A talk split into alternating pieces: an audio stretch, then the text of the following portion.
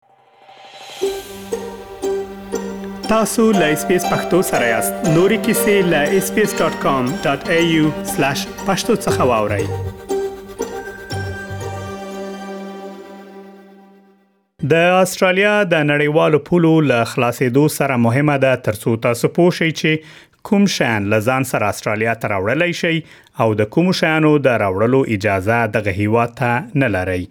د یوه مسافر په توګه دا ستاسو مسولیت دی ترڅو پوه شئ چې استرالیا ته د کومو شیانو راوړل منع دي استرالیا ته د وارداتو په شرایطو کې ځینې وخت بدلونونه راځي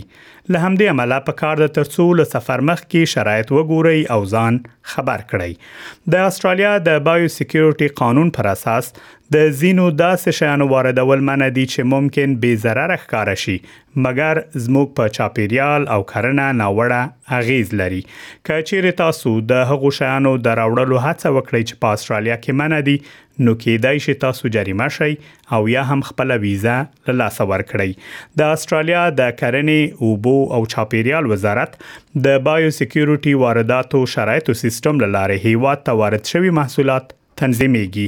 الن سیلف د بریسبین په هوایي ډګر کې د عملیاتو مدیر دی. هغه وایي کله چې خلک له بهر څخه استرالیا ته راځي، د راتلونکو مسافرو کارت یا اینکمینګ پسنجر کارت باید ډک کړي او په هغه کې په نښه کړي چې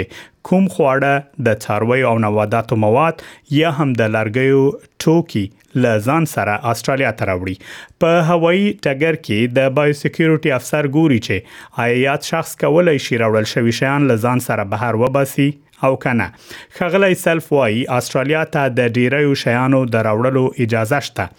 مګر هغه څه چې د زیان رسونکو آفتونو او ناروغیو د پیژندلو خطر لري د غو راوړل منه دي هغه وایي چې تازه میوې کولای شي ژوندي حشرات یا د نباتاتو ناروغۍ راوړي چې دلته نشته د بیلګې په توګه نوموړی وایي چې څو کاله وړاندې د میوې په یوې ټوټې کې د پاپایا ډول د میوې مچ کوینزلند ته راغلی و چې په یو کال کې د کوینزلند صادراتو ته 10 میلیونه ډالر زیان اړولی و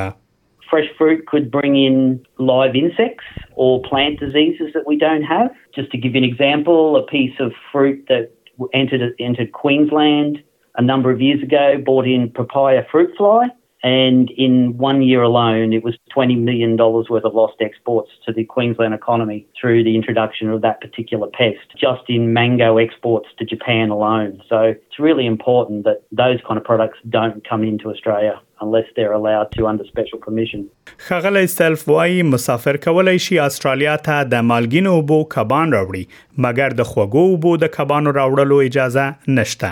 د دې ترڅنګ ځینې نور خواړه لکه د لبنیاتو محصولات کیک، شات، سمندري غذا باید له راوړلو مخکې وڅېړل شي. مګر وریجې، دال او د حاصلاتو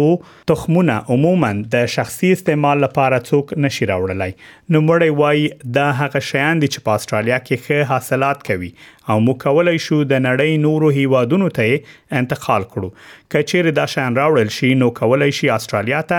نوې ناروغۍ راوړي. Bags of rice, bags of pulses such as seeds, beans, chickpeas, soybeans, lentils, mung beans. These are all the things that Australia is really good at growing. And because we're good at growing, we're able to export our surplus stocks to the rest of the world. We're making money for the country. And so if you bring these commodities in from overseas, they could very well have new diseases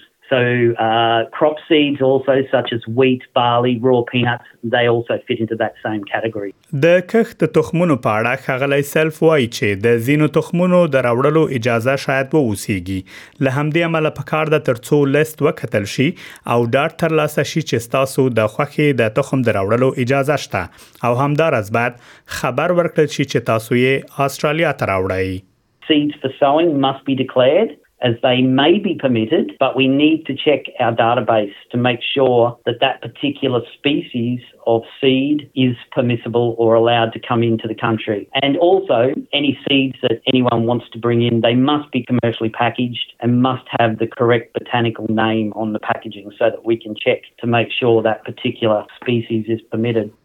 که چیرې څوک استرالیا ته دغه شیان راوړي او په فورمې کې نه لیکي چې له ځان سره یې راوړي دي نو دا کار جریمه لري خغلی سلف وایي چې د کوچنیو سرغړونو لپاره جریمه